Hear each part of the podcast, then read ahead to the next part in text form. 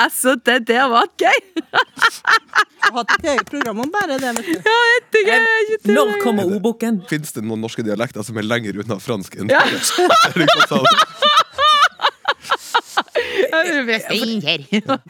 Alle kjenner kjankert. Jeg har funnet retiraden er jo selvfølgelig do. Å, nydelig! Åh, ja, ok.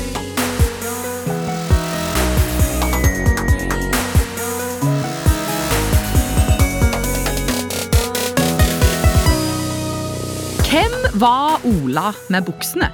Var han kanskje i slekt med Marius med genseren? Og hadde mest sagt, hva er egentlig greia med alle som holdt på å si, men som liksom ikke bare sa det? holdt på å si? Ja. Og er det forskjell på å være skilt og fraskilt?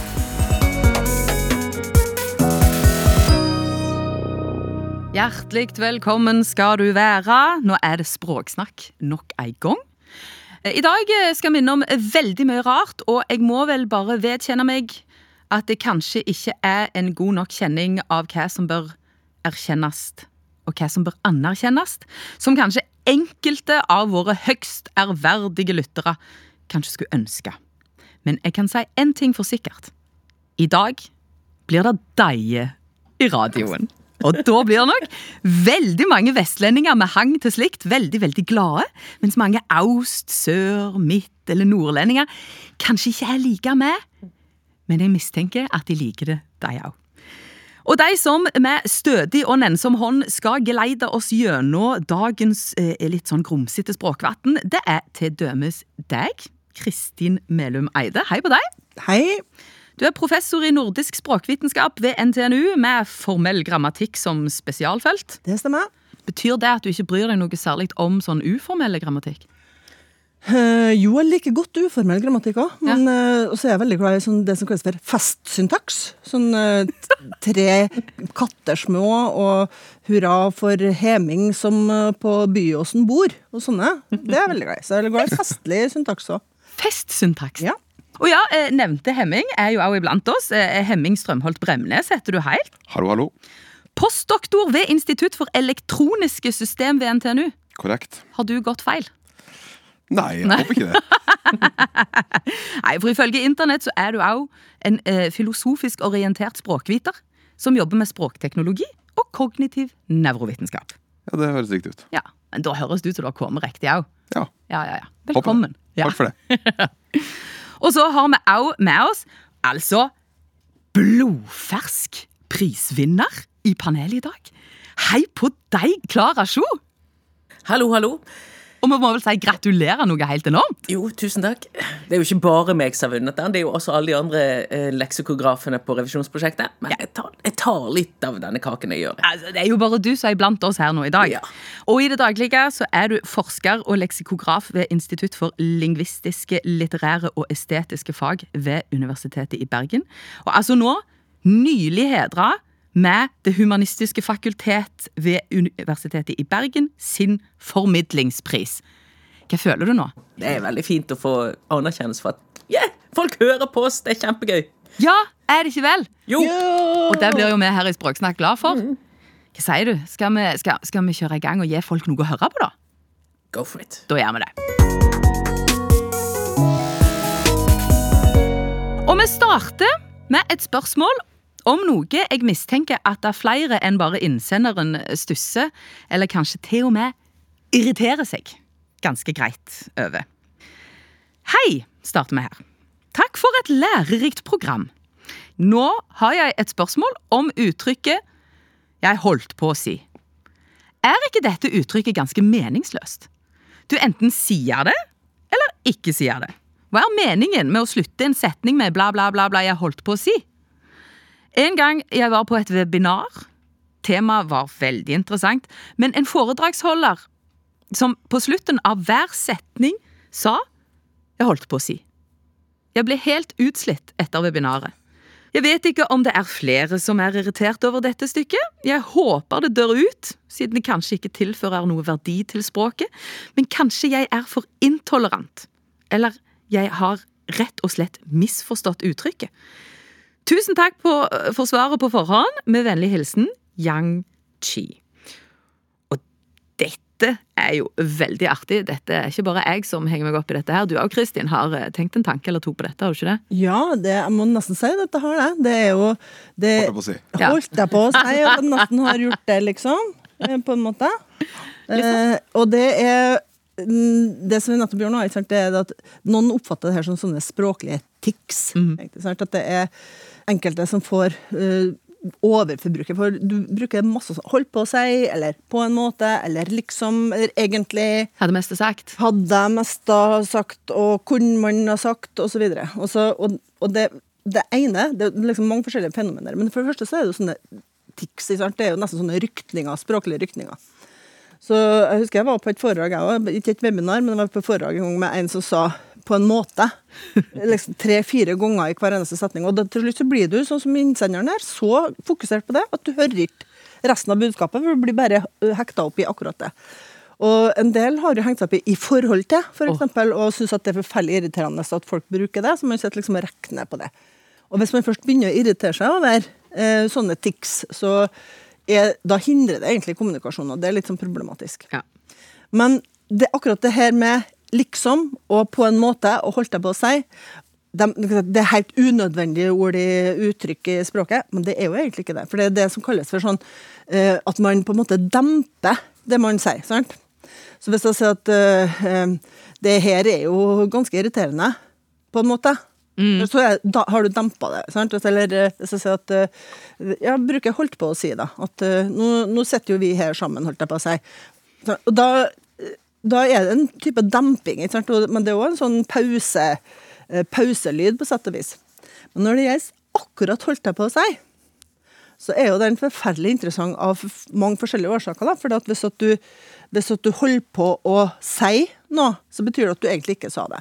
Det, det, ser vi at vi, hvis vi sier holdt på å datt utfor stupet, så datt du ikke utfor stupet, sant? Det gikk bra, det. Det gikk bra, men hvis du sier at du, du holdt på å skrive på ei bok, da, er det liksom, da, da driver du på med det. Ja. Men holdt på dette utfor stupet, det er sånn at hvis du har sånne, sånne hendinger som er det som kalles for punktuelle. Sånne, sånne hendinger etterpå, så betyr det nesten. Ja. Sant? Holdt på å datt utfor, det betyr at du datt ikke utfor.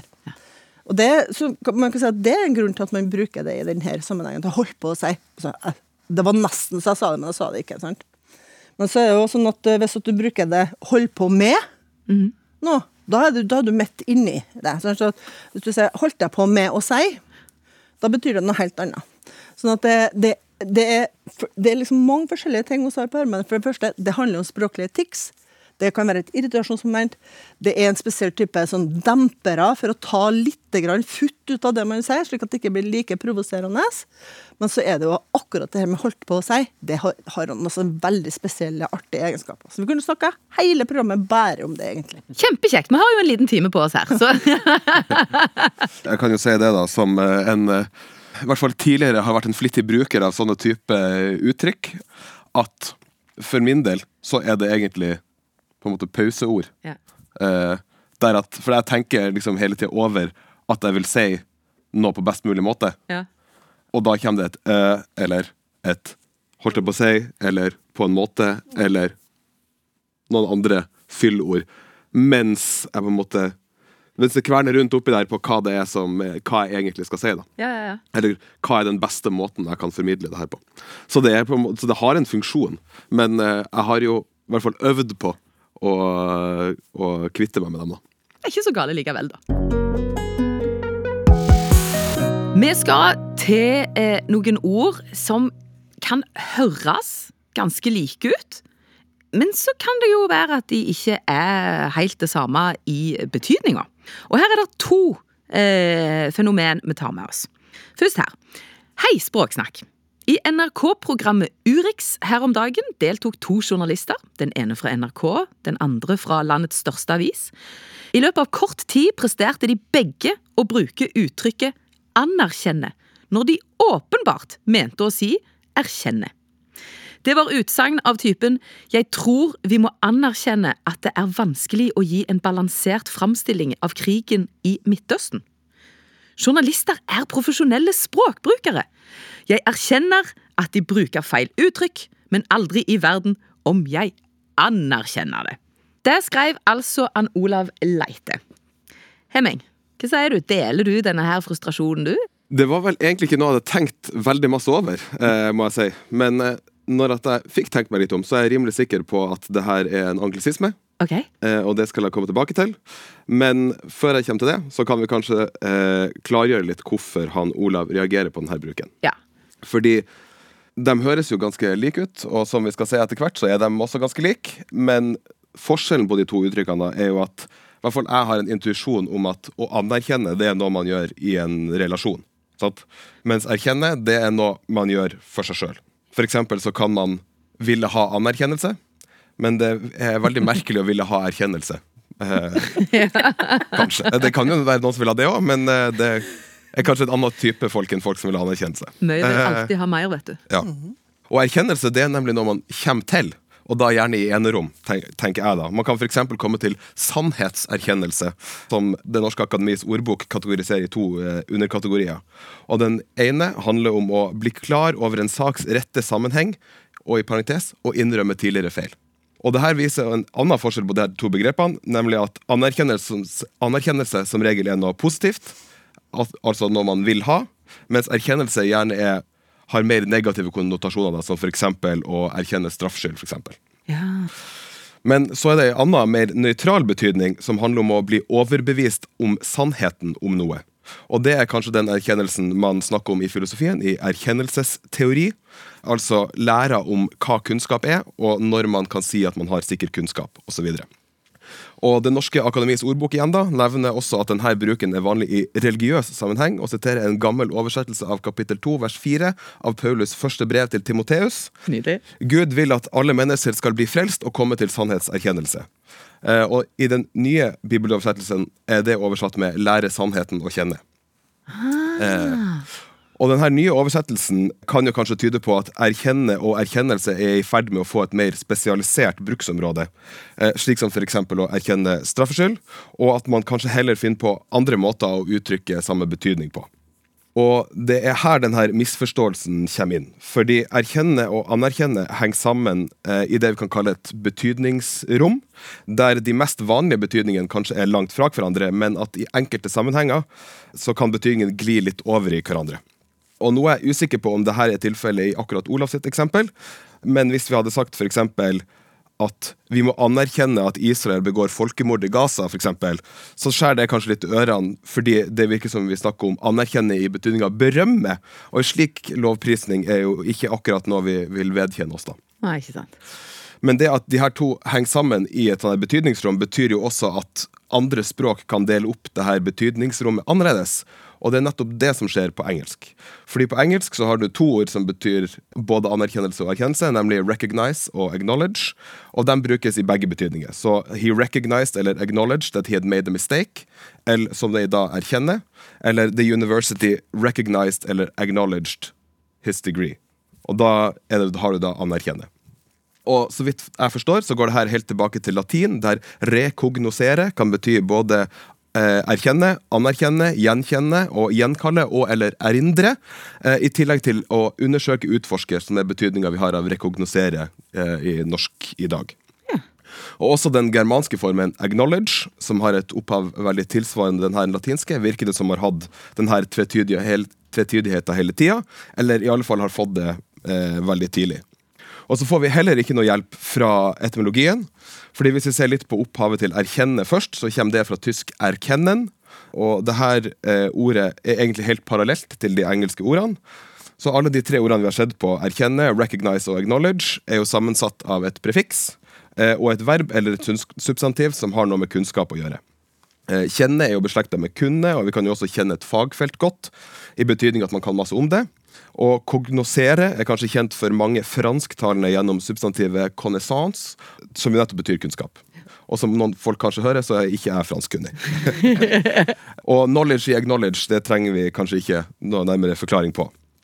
Og så har vi prefiksene, da. For recognize har eh, re, som betyr igjen. Acknowledge har a, og det eh, betyr på. Og det er jo også på norrønt å. Og den eh, r i erkjenne er beslekta med nynorsk ord eh, og svensk ur. Eh, altså det betyr ut av. Så vi har altså igjen, på eller ut av kunnskap. Men hva med å anerkjenne? Der legger vi jo på enda et prefiks, an, som bør være kjent for tyskkunnige, og som faktisk er det samme som engelsk a, og altså også betyr på. Poenget mitt er egentlig bare at i begge ordene så er det kunnskap som er kjernen, og så har man ett eller to prefikser med veldig minimal betydning. Så det er ikke sikkert at de konseptene er så langt fra hverandre som det kan virke som fra spørsmålene Olav. For hvis vi slår opp i ordboka, ser vi jo dessuten at både erkjenne og anerkjenne har flere betydninger. Og erkjenne kan være å komme fram til sikker viten, som vi har vært inne på, i tillegg til det å vedgå noe. Og å anerkjenne kan være både å erkjenne noe som riktig eller berettiget, og å respektere. I tillegg så har anerkjenne betydninga å godta, akseptere eller innrømme. Og hvor grensa går mellom å vedgå noe og å innrømme eller akseptere det, det tror jeg blir ekstremt mye flisespikkeri og veldig lite god radio. Eh, og liksom eh, Det jeg mener med det her, da, er bare at eh, det her er et betydningsrom som kan deles opp på mange ulike måter. Og alt samkvemmet vi har med engelsk, som altså deler det opp annerledes, kan jo gjøre at kategoriene flyter litt mer over i hverandre.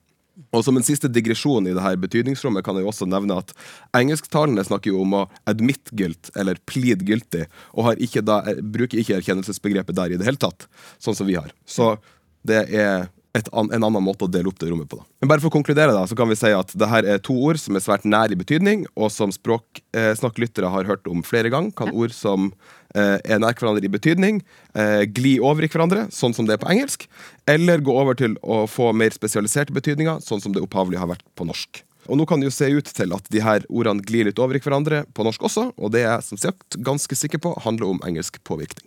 Neimen, så, så spennende. Vi har jo en del to i dette spørsmålet òg. Mm. Ingunn i Blomsterdalen hun lurer på noe jeg òg lurer på. Hei. Er det forskjell på å være skilt og å være fraskilt? Jeg synes fraskilt høres så trist og ensomt ut. Er det egentlig noen forskjell i betydning eller bruk? Er det det? Det er jo bestandig sånn at eh, det er litt sånn uh, Jf. det forrige spørsmålet òg, uh, så er det det at når ord som egentlig er veldig like hverandre, kan jo få forskjellig bruk. Ja. Og da eksempel sånn som med bivirkning og sideeffekt. Det, bare det, det betyr egentlig det samme, men det har begynt å liksom, det, det, får forskjellig betydning fordi at folk har brukt det ulikt. Og med, med innfinne seg og avfinne seg med så, Det er masse sånne, sånne ord er Med skilt og fraskilt så er det jo sånn at i utgangspunktet så brukes det om litt forskjellige eh, ting. Og så er det sånn at sånn som forrige eh, innsender var inne på, da, så er det sånn at noen har eh, bevart det her følsomheten for når du bruker det ene og når du bruker det andre. Mm. Så noen er litt sart for, for denne betydningsskillet her, og så er det noen som syns at, liksom, at det er ikke så nøye. Man sier avfinne seg med. Man sier, det her må man bare uh, innfinne seg med. Mm. Og da, da, steiler en hel masse folk. Sant? Men, uh, men, når det er skilt og fraskilt, så er det sånn at det er jo sånn at fraskilt er i utgangspunktet mer spesialisert, jf. Uh, forrige spørsmål, da, at når du legger på flere sånne prefiks, så blir det jo mer spesialisert. sant? Så skilt kan det være flere forskjellige ting. Vi snakka om f.eks. utskilt. Mm. Men uh, også kan du legge på et annet prefiks, f.eks. nyskilt. Sånn. Og er jo, da er det litt mer spesialisert enn bare skilt. Men fraskilt, det at, det er, det at du kjenner som at det er det er liksom så stor avstand mellom dem som er skilt. da, sant? Hvis de er skilt, så er det en ting. Hvis de er nyskilt, så har det nettopp skjedd.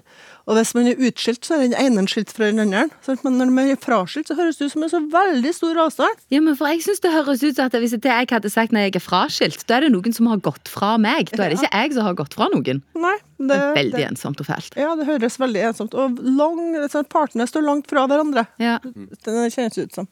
Men så da er det i praksis egentlig ikke noe forskjell på å være skilt og fraskilt, da? Altså Det handler om hvilken del av det. Hvilken del av prosessen er det du vektlegger. Så Det vi ofte innenfor studien av verb kaller for aspekt. Altså det er på en måte som Når man er fraskilt, så er det på en måte da legger du vekt på at det er fra. Ja. Mens når du bare er skilt, da er den prosessen avslutta. Ja. Mens når det er fra, så, er det, så legger du vekt på årsaken, faktisk, til at du er blitt skilt. Ja. Men det er, det er, generelt sånn at uh, hvis du skal ha opprettholde skillet, mm.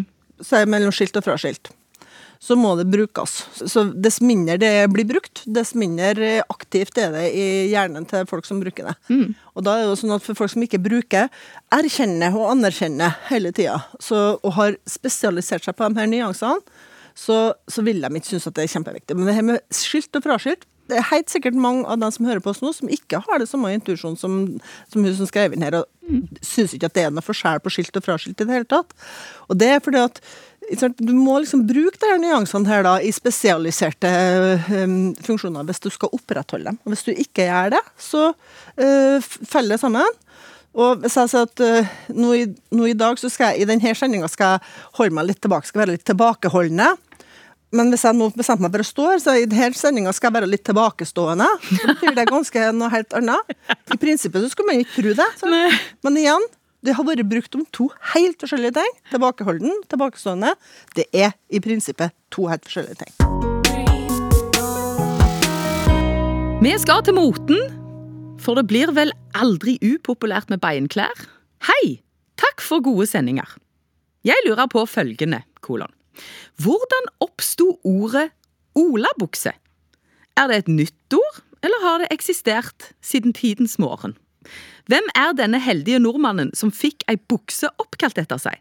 Finnes det andre norske ord som er basert på navn? Med vennlig hilsen Kristoffer Sørdal i Mandal. Klara, olabukse, du? Ja, jeg bruker ikke olabukse sjøl. Hva kaller dere dette plagget, da? Jeg kaller det dongeribukse. Ja, det gjør jeg òg. Hadde aldri funnet på å sagt olabukse passer ikke på jærsk. Kan slumpe til å si olabukse, altså, tenker man. Ja. Det, ja. Ja, det er dongeribukse. Ja. Ja, nei, jeg har en venninne fra Trøndelag, og hun sier olabukse og jakke og sånne ting. Jeg syns jo det er litt søtt. Men altså, det som er gøy med olabuksen, det er jo at det er et av de få ordene der vi vet nøyaktig hvor det kom fra. Det dukker opp, og det er ikke ofte jeg kan si, og det kommer jeg ikke til å si det flere ganger i dag. Det dukker opp like etter annen verdenskrig. Vi finner det i reklamer fra, i avisene fra rundt 1950 med olabukser til gutter og piker. Så dette er noe for ungdommen.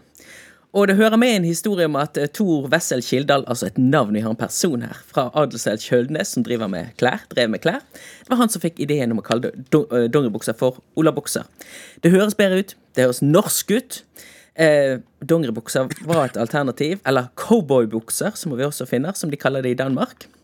Men Ola hadde en god norsk klang, og dette er jo noe like etter krigen. Eh, du har det som kalles Olasoldater og Olagutter, som er i Tysklandsbrigadene og passer på tyskerne etter krigen.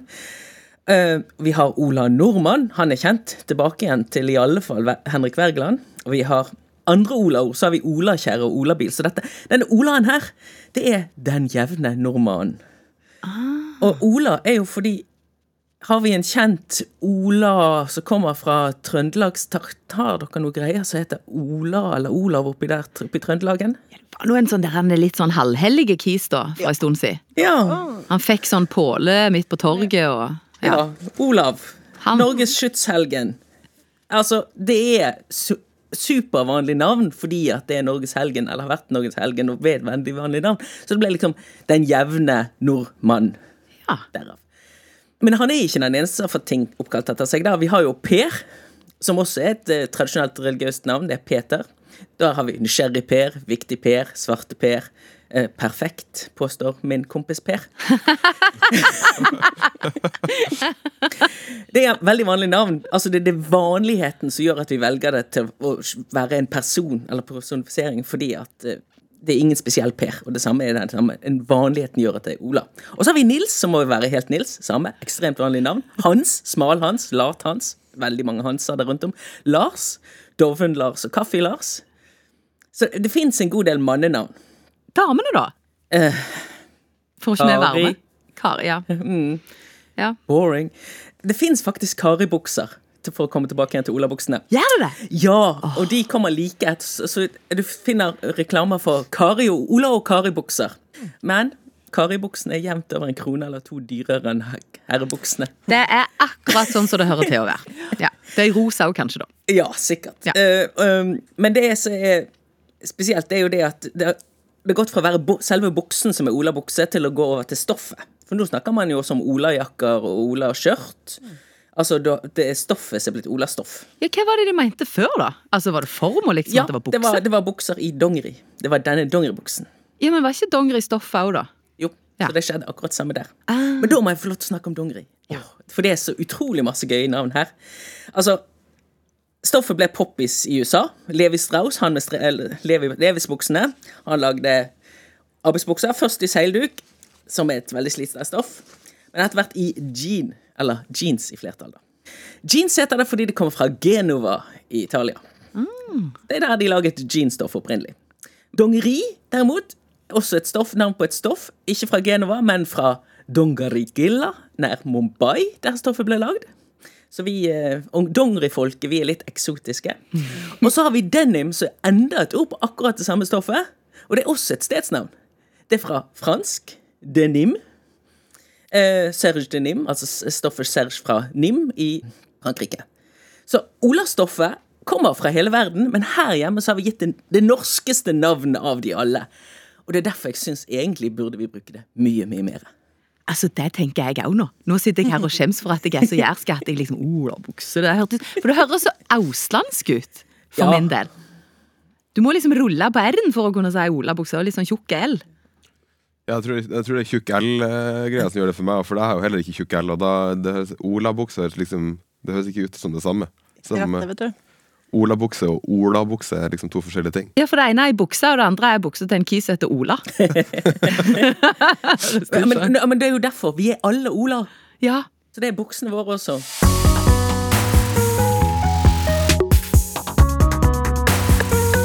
Jeg vil bare nevne at for å komme i kontakt med oss, er det to alternativ. Du kan for det første sende en e-post. Da er det til snakk.krøllalfa.nrk.no. Eller så kan du gå inn i appen NRK Radio, trykke på de tre prikkene oppe i høyre hjørne. Så står det 'send melding' litt nedover der. Trykk på den, så får vi melding. Og altså, vi får jo veldig mye meldinger fra dere, og nå skal vi se litt på forslag til nye ord. Vi skal først altså få oss en slags påskeintro. Hei, språksnakkfolket. Tenk dere følgende. Det er flott turvær. Vi har kjørt et stykke fra hytta, parkert bilen og gått et langt stykke i flott natur. I himmelretning tilbake mot hytta. Vi skal raste, men finner ikke noen passende plass. Jeg foreslår at vi går tilbakeover og ser om vi kan finne en fin plass å sette oss ned. Frua repliserer med at tilbakeover er vel ikke et norsk ord. Mulig det, mulig det, men det burde være det. Og jeg, jeg har begynt å bruke det. Vi har hjemover, bortover, oppover, innover, nedover, men ikke tilbakeover. Vi kan ikke si hjemover. Det blir i feil retning. Husk, vi gikk i himmelretning mot hytta. Vi kan si mot bilen eller i retning mot bilen, men hvorfor ikke bruke tilbakeover? Tilbakeover vil være godt beskrivende og et intuitivt alternativ. Jeg har da altså begynt å bruke tilbakeover flittig, og håper dere i Språksnakk vil bidra til å spre dette nyordet videre. På forhånd takk, får vi ifra Trond Seiersted Brøtger.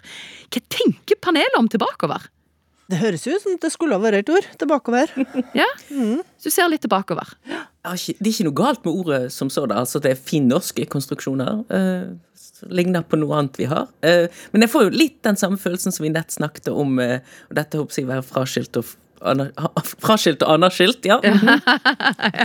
altså, eh, vi, vi liker å lage av og til et ord litt lenger med å kaste på litt sånne ekstra eh, forledd som ikke betyr så mye, og det er litt det samme her, altså. Det, Ja. det er jo tilbake. Eller Ja. bakover, men bare litt ekstra langt. Begge deler på en gang. Så det er jo typiske sånne her eh, jobbannonser, så skal man jo være så framoverlent. Men at, ja. hvis man, du, så, man ønsker seg en medarbeider som er litt mer sånn tilbakeoverlent. Man kunne godt ha ønska seg flere medarbeidere som var litt tilbake. De er jo ofte bedre å jobbe med. Ja, Det er jo det. Mer avslappa. Ikke så masete. Ja. Det er sant.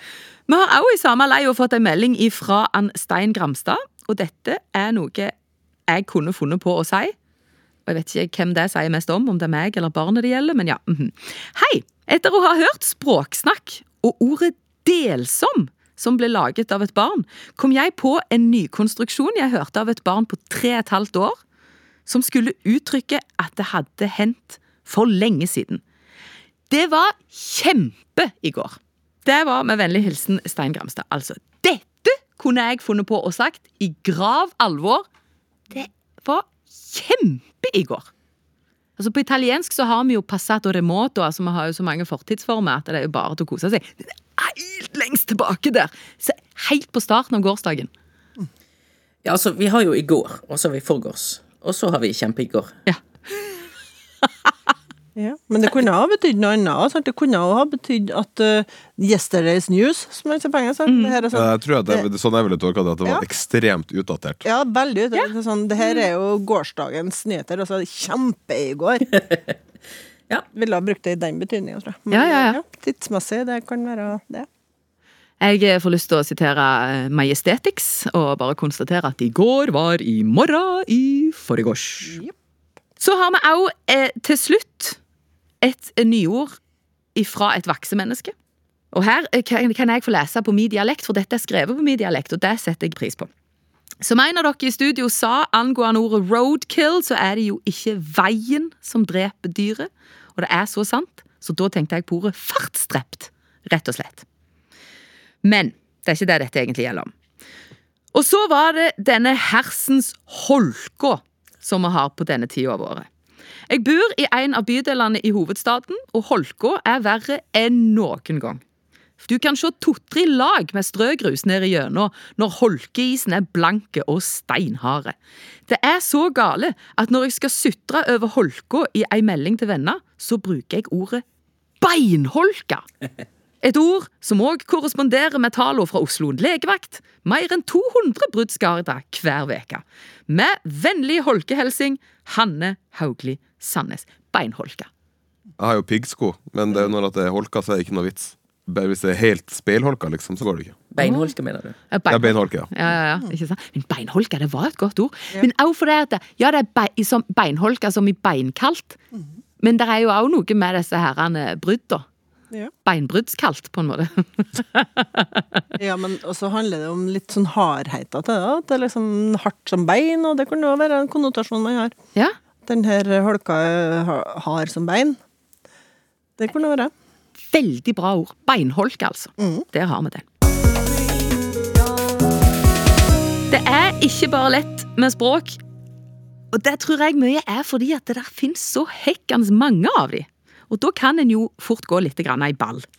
Det mistenker i alle fall vår neste innsender her. Hei, dere. Jeg skjønner at Google Translate er mye i bruk, men jeg irriterer meg litt over at ordet soldater nå ser ut til å være erstattet med tropper når man leser og hører norske journalister. Dette må være av oversettelse fra noe engelsk. I Norge sier vi vel soldat når det er snakk om en person i militæret. En tropp, platoon på norsk, består av typisk fem lag, eller squad, med sju soldater. Og én tropp kan da være på 35 soldater. Flere tropper danner et kompani.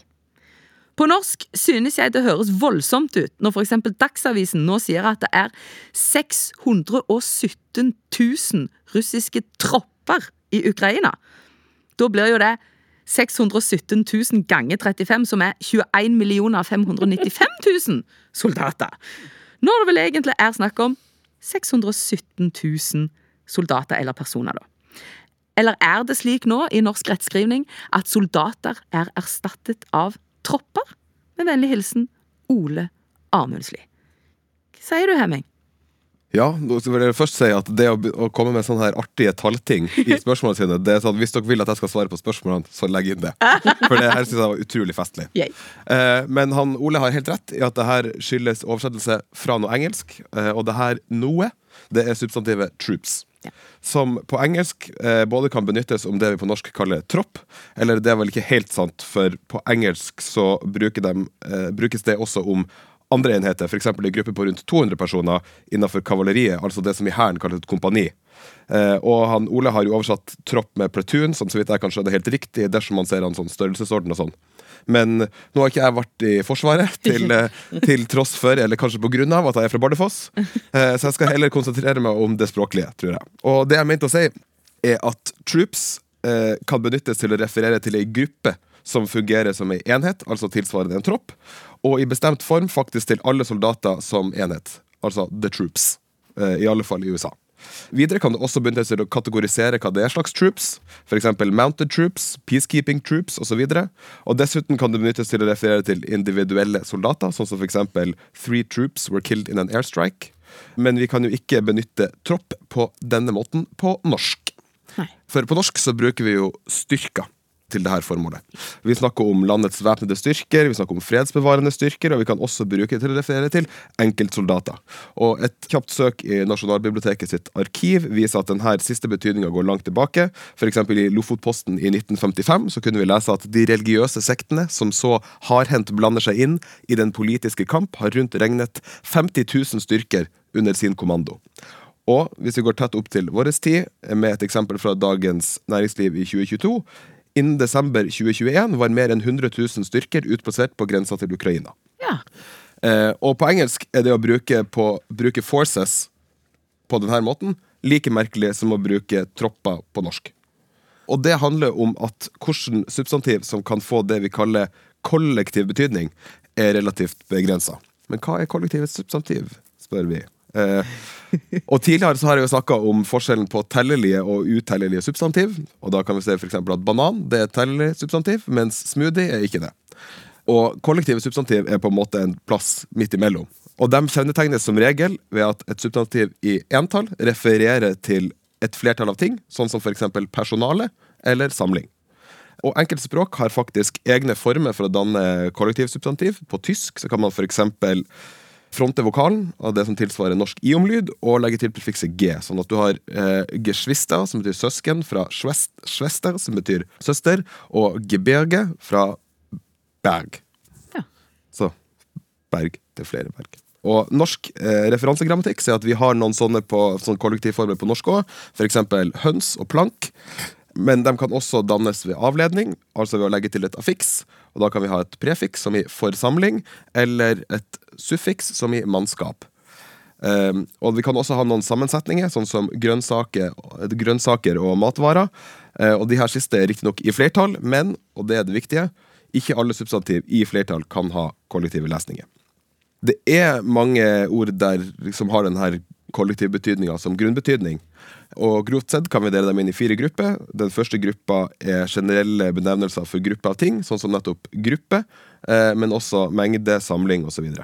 Den andre gruppa består av benevnelser for samling av dyr, buskap, kveg, sverm, flokk osv. Og, og i den tredje gruppa finner vi betegnelser for spesielle romlige sammenstillinger av et flertall av objekter, sånn som f.eks. stabel eller haug. Og til slutt så finner vi substantiv som benevner institusjoner eller grupper av mennesker som er danna for et offisielt formål, slik som f.eks. komité, råd, klasse, lag, hær osv.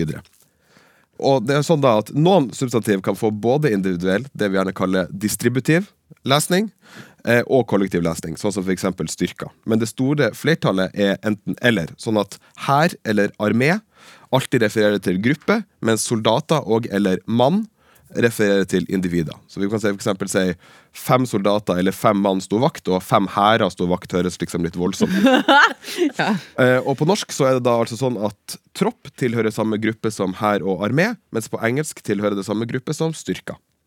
Så som vi ser, så kan det her variere nå på tvers av språk, hvordan ting det er. Og det her handler jo med at det her er på en måte betegnelser for institusjoner som vi som samfunn har skapt. Men det at eh, nordmenn nå bruker tropper på samme måte som de bruker styrker, er åpenbart et resultat av engelsk påvirkning. Tropp det er et ord som finnes på norsk. Ordet styrker kan bety både i gruppe og individer, og så smelter de her to liksom litt sammen i hodet uten at vi tenker over det. Så det krever jo på en måte litt mer språklig bevissthet for å oppdage de her anglisismene, og det viser jo han Ole at han har her, da. Er det sånn at må Ole liksom gi opp dette? her? Er det sånn at dette er en sånn en endring som er kommet for å og som kommer til å endre seg, da? Altså kommer tropper til å bli styrka? Kristin sitter og sufflerer meg her og sier ja. det det handler om, er jo på en måte at det er nesten umulig å stoppe det, fordi at det her er sånn som skjer automatisk, fordi at du bruker mye engelsk, bruker mye norsk, og så er det liksom ikke alltid like greit å skille hva er det som er lov på norsk, og hva er det som er lov på engelsk. Og jeg tenker også for eksempel, sånn det der erkjenne og anerkjenne i stad. at det var, Jeg tror ikke det nødvendigvis er tilfeldig at det er fra Urix. Sant? For det, de, sitter jo, de har jo ganske mye engelsk stimuli, vil jeg tro, når at de skal gjøre research til sine saker. og sånt. Så det handler jo på en måte om at de her betydningene og grammatikken og sånne ting er aktivert i hodet når man skal produsere en norsk setning. Men det er en eh, liten uh, skal vi si, ho- hope in hanging snore. Det er, um, for dem som ikke ønsker seg denne engelskpåvirkninga, så er det sånn at det er jo noen av studiene til Anne Mette Sunde som tyder på det at dess flinkere du blir i engelsk, dess bedre blir du på sjel de forskjellige språkene. Sier du det? Ja, og hvis at det er tilfellet, så betyr det jo at dess flinkere vi blir i engelsk, dess bedre blir vi til å holde troops og styrker ifra hverandre. Men da, men da spørs det om det har allerede blitt så innarbeidet i det norske språket at det er for seint. Mer engelsk til folk, da. Kanskje det. Mer språk generelt. Mer språk generelt til folk. Vi skal til et dialektalt ord som ligger svært langt ifra min opprinnelige dialekt, eh, så nå skal jeg prøve så godt jeg kan. Hei! Jeg vet ikke om dette er et spørsmål for NRK Språksnakk, men jeg har et trøndersk dialektord som jeg har vokst opp med, som jeg ikke har hørt noen andre bruke, og ingen skjønner hva det er eller betyr. Ordet er et verb, og det må vel skrives noe sånn som dette. Og skjuliser. Nå prøver vi oss her. Altså skjuliser eh, skju- Ja. Med trøndersk uttrykk, altså på den første stavelsen. Min forståelse av ordet er å rydde opp i, rydde ut, rydde og fjerne. For eksempel at det er på tide å skjulisere i klesskapet. Som betyr å rydde ut klær man ikke bruker lenger, og eksempel gi dem til Fretex. Dette er et artig ord, og det hadde vært kult å vite opprinnelsen til dette ordet. Er det svensk? Fransk? Hva er den egentlige betydningen? Med vennlig hilsen Magne Brekken. Kristin, skjuliser du mer du, eller? Ja, Skjuliser. skjulisert ganske mye mer enn det jeg gjør. Det er ikke noe tvil om det. Jeg tror jeg skal virkelig begynne å bruke det her ordet å skjulisere. Jeg er likte det. Nå måtte jeg jo stupe langt inn i alle eh, mulige um, dokumenter og ordbøker, og i det hele tatt å leite etter det, hva det kunne bety. Ja. Og jeg tror at det kommer fra fransk chut laser. Og det betyr altså å la altså det, det er som i Frost. Let it go, let it go. Det, er sånn, det som du ikke skal ha lenger, det lar du fare. Sant? Sånn at det som er, det som er til overs, avfallet, skjutt. Det som er for mye, det skal man la fare. Så det handler ikke egentlig bare om denne prosessen å rydde opp, men det handler om å fjerne det som er til overs, og det som er for mye. Og grunnen til at jeg hadde en sånn viss peiling på at det gikk an å finne en, eh, et svar på det fra fransk, og det, kan, her kan godt være helt feil, men det, jeg tror det er det skjortlesse. Det er fordi at han Arnold Dalen, som er en god kollega som har jobba som leksikograf i nesten 100 år. I hvert fall har jobba med det veldig lenge. Og han, en av hans sine yndlingstema, det er franske lånord i trøndersk. For de blir så radbrukke, skjønner du. Så det er ganske artig med dem her. Så det, det sånn at det var jo overklassen veldig ofte som importerte her franske lånordene. Og så, de, så falt de litt sånn, sank de sånn gradvis ned i folkedypet, og så tok de dem og gjorde dem til sine egne. Så jeg husker på for eksempel bestemor. Hun brukte å retirere klær. Retirere, altså sette tilbake. Sant? Rett og retirere. Det brukte jeg. Og så eksempel dussemang. Hvorfor er du så dussemang i dag? Sier folk eh, i Trøndelag. Sant? Og det betyr jo doucement. Altså hvorfor er du så stille og liksom litt sånn nedpå, da? Sant? Så du, du er litt sånn sakte og litt sånn doucement. Jeg estimerer deg ikke. Det å, å est, estimere sant? Jeg har ikke noe estim for deg, jeg har ikke noe respekt for deg. Jeg estimerer deg ikke. Det, den er jo artig. Og en av mine yndlingsuttrykk i denne boksen her, og Arnold han ble så glad når jeg fortalte om det her, da svigermor brukte å si når hun pynta bløtkaka, så kunne den bli litt sånn allersjankete. det òg ifra fransk. À la chance. Sant? Liksom på en skjønne. Og det er akkurat det det betyr.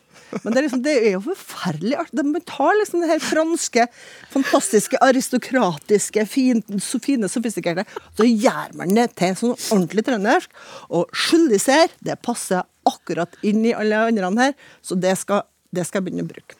Det er liksom en sånn her Jean-Luc som har truffet en Ola! Så Skyldiser. Men det, vi, vi trenger ikke å estimere eh, verken eh, de her eh, eh, storfolkene her og sier det, vi, tar, vi tar det her, og vi bruker litt sånn alle sjankott, så har ikke det så forferdelig med seg. Og resten bare laissez faire. Ja. Let it go. Snakk krøllalfa nrk.no. Det er e-postadressa vår hvis du har lyst å sende oss et aldri så lite spørsmål. Og det kan jo være om all slags, både det fine og det kanskje litt stygge. Nå skal vi virkelig inn i det fine, syns jeg. For nå blir det deig i radioen. Og lurer du grælig nå på hva dette her betyr, så skal du få svar. For her står det hei. På bergensk brukes ordet deier om pupper. Jeg lurer på om deie i ordet budeie er det samme? Og kanskje det henger sammen med det engelske dairy? Det dreier seg jo om det samme. Jur og melk og melkeprodukt. Med vennlig hilsen Anne M. Steen. Ja, Klara. Deier du? Hæ? Et Nydelig, nydelig spørsmål. Eh, og som bergenser så må jeg jo selvfølgelig si noe om deier. Men jeg må først spørre disse her eh, litt lenger nordfra. Bruker dere deier? Overhodet ikke. Hadde dere hørt det? Ja. Ja. Jeg føler at det er liksom sånn eh, omtrent like Bergen som gåmann. Ja. Løpehjul. Men, men du da, Hilde? Jeg sier deie, ja. Ja, ja, ja. Og jeg syns at det er et grassat godt ord, for jeg synes at det i, i lyden så syns jeg det høres ut som puppe ser ut. Ja, jeg, jeg har jo selvfølgelig snakket utrolig mye merkelig med kollegene mine den siste uken om daier. eh, og jeg har jo da noen som har vært veldig indignert for Nei, ærlig talt, jeg liker ikke ordet daier. Kan ikke vi bare kalle det nusser? For det er jo det andre ordet bergensk har for eh, bryster. For det har ikke jeg hørt. Sier de det om bryst? Daier i Bergen det er de litt store. Og nå, Hvis dere hadde sett meg, så hadde jeg gjort den håndbevegelsen. Gibba daier. De er store. Nusser derimot, de er små og nusselige, som det heter seg. Men altså, det er ikke bare i Bergen, som Hilde bruker det. Vi finner de, har funnet de, iallfall i Haugesund, Stavanger, Egersund, altså Bergen og sørover. Og litt grann nordover. Og det er noe jeg har lyst til å si. Hvis du bruker dette, og når du har brukt det, send meg en mail. For det, akkurat dette har jeg lyst til å kartlegge. Jeg kommer tilbake til hvorfor etterpå. Men altså, først budeier og dairy. For de to er faktisk beslektet.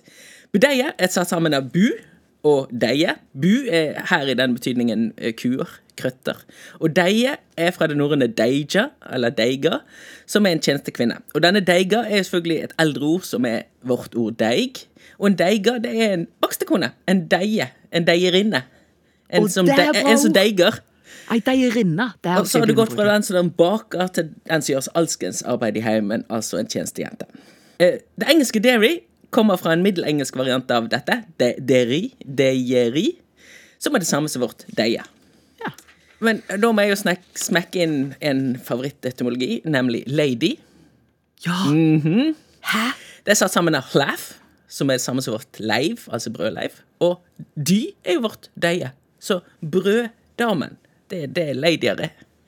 Nei! Det er så fint. Det er fantastisk! Og så kommer disse kakene oppå. Nei, ja. Flott.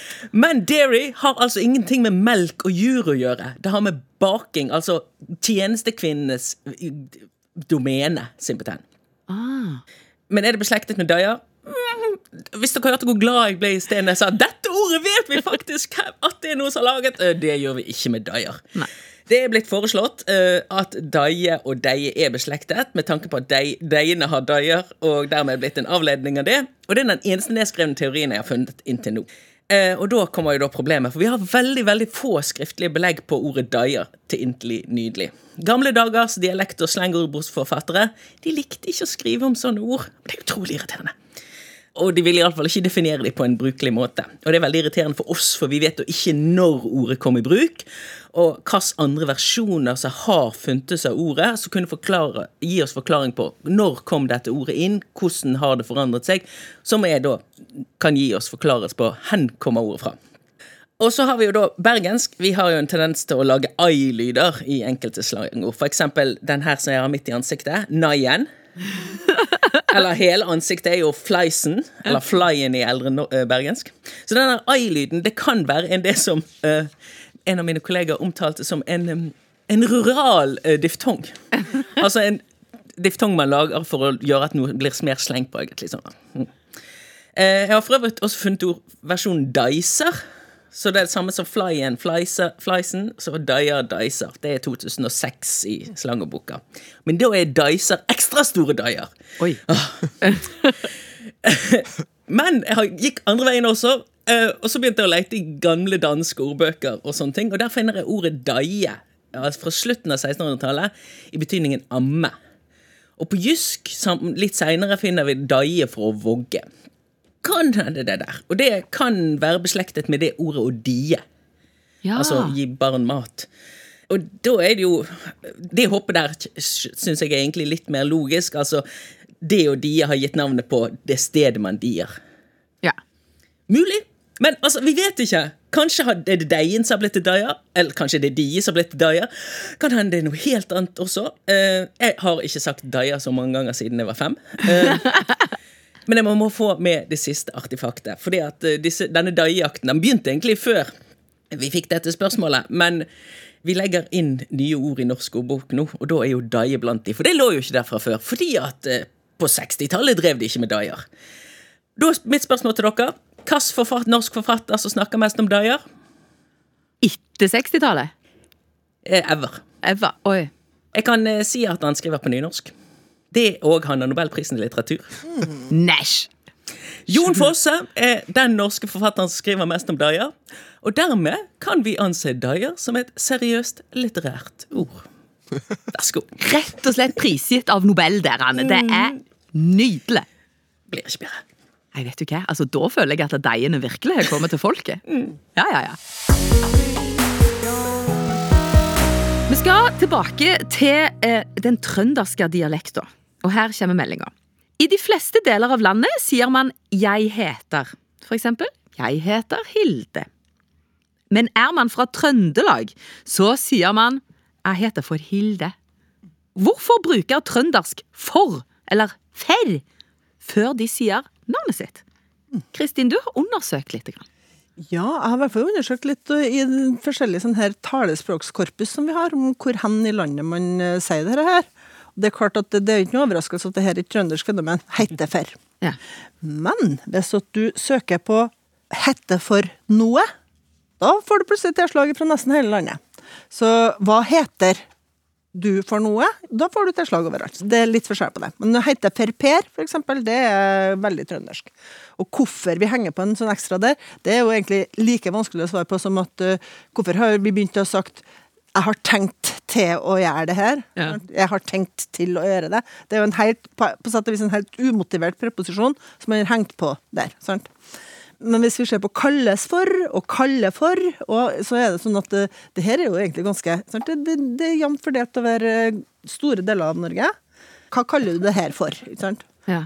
Så det er liksom bare små varianter, da. Så I tråd med det vi har snakka om tidligere, så er det sånn kalles for og hete for. Det er jo ikke egentlig noe stor forskjell på det. sant? Det er bare at i en type så har man bestemt seg for at når du bruker hete, så er store deler av landet sier at det er nok med hete. Man trenger ikke noe for. Med mindre man skal spørre hva det heter for noe, da, da henger man på en for.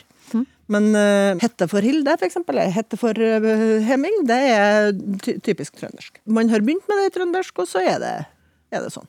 Vi kan si ting veldig effektivt, men vi blir veldig knappe. Det er noe med at kommunikasjon er jo litt mer Tar litt tid. Det skal også fram og tilbake, dette. Det skal forstås. Du skal passe på at de andre forstår deg. Du kan ikke si det akkurat sånn som det kan sies minimum. Altså, det er Kutte språket ned til beinet blir veldig kjedelig. Ja, Det er sant. Helt til slutt skal vi inn på de nære ting, eller i alle fall relativt nær familie.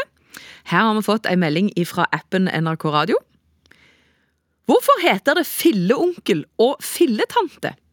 Hilsen Bent. Ja, dette har jeg òg lurt på. Klara, har du noe svar, du? Jeg kan si som jeg har sagt minst én gang i dag. eh, Vi vet ikke. Ja, ja flott. Ja. Eh, Og da var vi ferdig. Hva er en filletante og en filleonkel? For jeg har funnet det Sjøl bruker jeg det som inngiftet tante og onkel. Men jeg har funnet det i tre andre betydninger. Fars eller mors søskenbarn. Tanten og onkelen til mor eller far, altså grandtante og grandonkler. Eller bare en fjern slektning. Eller av og til Unnskyld, jeg kom til fire. Det var tre. Og så kommer det nummer fire. En person som du kaller tanteonkel, men som ikke er en del av fødselsfamilien, men en nær venn av familien. Jeg har eh, en venninne som heter Hilde, og hun har et barn. Og jeg blir stadig vekk introdusert som Tante Klara. Jeg finner også eksempler på fillenevøer, fillenieser, fillekusiner, fillefettere. Til og med fillebrødre og fillesøstre. Altså Noen som du er så nær at du har lyst til å ha et familiært forhold til dem, men du har ikke en Det er ikke blod, så da blir det fille. Altså Det er jo det at du har lyst til å sette på merkelappen familiær nærhet, men du har ikke en merkelapp. Og da blir det filla. Men da syns jeg det er litt sånn snedig at en legger på filla. For filla, da tenker jeg på liksom golffilla og noe som liksom Og fillefrans. Ja, Ja. og det er masse sånne negative ord. Altså eh, filleting, filleklokke, fillebikkje. Ja. Fille, alle de andre fillene som fins, bortsett fra muligens én, er negative. Og det er jo derfor en del sånne filletanter og filleonkler ikke har lyst til å være fille, men de bare kaller meg onkel eller tante. Og det som er litt morsomt, er at vi vet jo ikke hvor disse fillene kommer fra. Er det, er det samme fille som i fillebikkje? Ingen av slektningene våre, altså språkslektningene svensk, dansk har det, ikke engelsk, ikke tysk. Vi finner de fra 1900-tallet, og da dukker de opp i skrift som om du skulle vite hva det var. Så det vil, si at det har vært i bruk muntlig på et, et ganske tid. Eh, Lars Viker, som er en av de store leksikografene og språkfolkene i Norge, han har faktisk skrevet om filleslektningene, og peker på at fillepion er et ord for valmue, som en falsk valmue, ikke en dårlig valmue. Kanskje det noe grunn, samme som ligger til grunn for filletanter og filleonkler. Og han avslutter litt sånn som jeg har lyst til å gjøre. Vi vet ikke, men hvis det er noen som kan kaste et lys over dette, så hadde det vært interessant å få vite om det. Og da kan du f.eks. sende en e-post til snakk, krøllalfa, nrk.no, så får vi se hvor fillete dette herne blir. Filleprogram. Filleprogrammet. Bare putt. Det var det vi rakk i Språksnakk for i dag. Vi takker så voldig for laget. Vi har hatt med oss eh, panelet Hemming Strømholt Bremnes, eh, Kristin Melum Eide og Klara Sjo. Produsent var Jørgen Aune Hagen, og tekniker var Martin Våge. Jeg heter Hilde Sa. Snakkes.